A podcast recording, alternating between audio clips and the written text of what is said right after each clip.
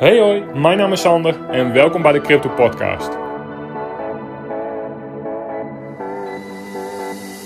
In deze podcast neem ik jullie mee door de gehele crypto space. Hou ik jullie op de hoogte van het laatste nieuws en de laatste ontwikkelingen op dit gebied, zodat jullie voor jezelf kunnen bepalen of crypto iets is wat bij je past. Content uit deze podcast is puur voor entertainment doeleinden en is geen zins financieel en of beleggingsadvies. Welkom en heel veel luisterplezier. Oké, welkom bij seizoen 2, aflevering 72. Uh, in deze aflevering wil ik even snel iets roepen over een tweet die ik gisteren verstuurd had. Ik krijg er namelijk heel veel vragen over en ik wil er even wat duidelijkheid over verscheppen. Maar ik wil daar ook in heel erg eerlijk naar jou toe zijn. En die tweet was: neem het zeker voor het onzekere, haal zo snel mogelijk al je crypto bij exchanges weg. En in principe bedoel ik gewoon wat ik daar zeg. Maar ik wil jullie niet bang praten of ik wil jullie geen stress bezorgen. En jullie zijn allemaal volwassen mensen en kunnen daarin prima je eigen keuzes maken. Maar je moet je bewust zijn van de risico's.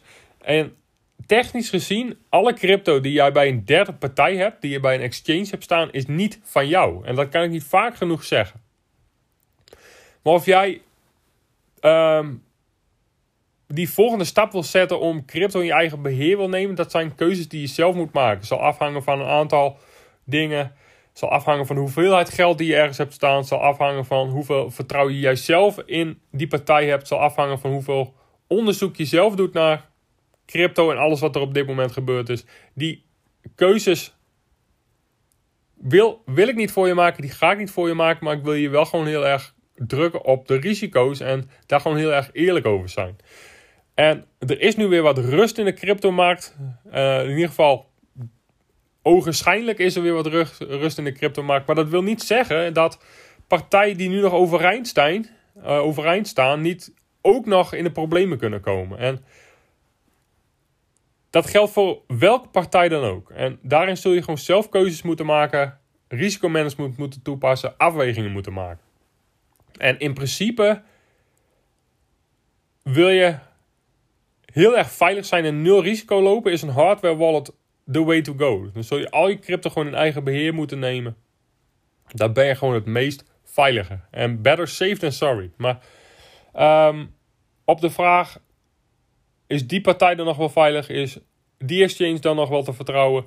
Ja, dat, dat in principe wil ik zelf dat risico niet lopen. En voor mij is het gewoon heel erg duidelijk: hardware wallet, way to go. Al je crypto in eigen beheer. Maar je weet het gewoon niet. Je weet niet hoe veilig een partij is. Je weet niet hoe goed een partij de financiën op orde heeft. En of een partij heel erg effect is door alles wat er met FTX gebeurd is.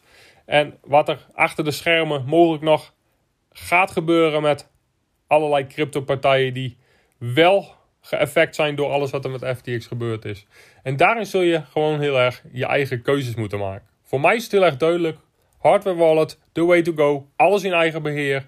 Better safe than sorry. en ik, daarin wil ik zelf gewoon geen enkel risico lopen. Maar um, ja, daar zul je zelf gewoon je eigen keuzes in moeten maken. Ik krijg ook heel veel vragen over of Bitfavo nog wel veilig is. Omdat het een Nederlandse partij is. Um, op de site van Bitfavo adviseert Bitfavo je zelfs om al je crypto gewoon lekker naar een hardware wallet te zetten, zodat je geen counterparty risk loopt. Dus um, na alles wat er het afgelopen jaar gebeurd is, is er gewoon geen enkele partij waar jij 100% op kan vertrouwen en 100% kan van, uh, van, kan, uh, van kan zeggen dat het in de toekomst wel goed komt. Niet eens van Binance.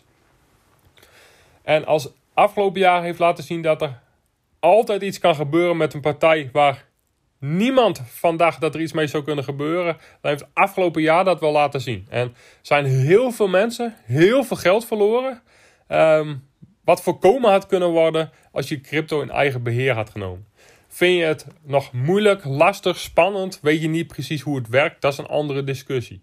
Neem dan gewoon rustig de tijd om uit te zoeken hoe iets werkt.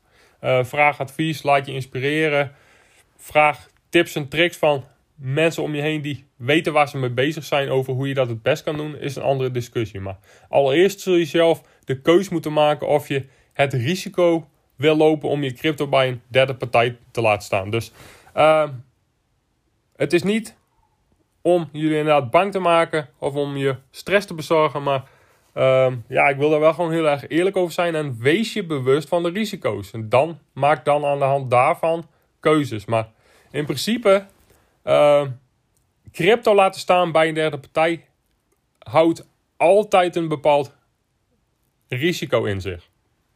Welke partij dat dan ook is. Of dat nou Binance is of Bitfavo of welke exchange dan ook.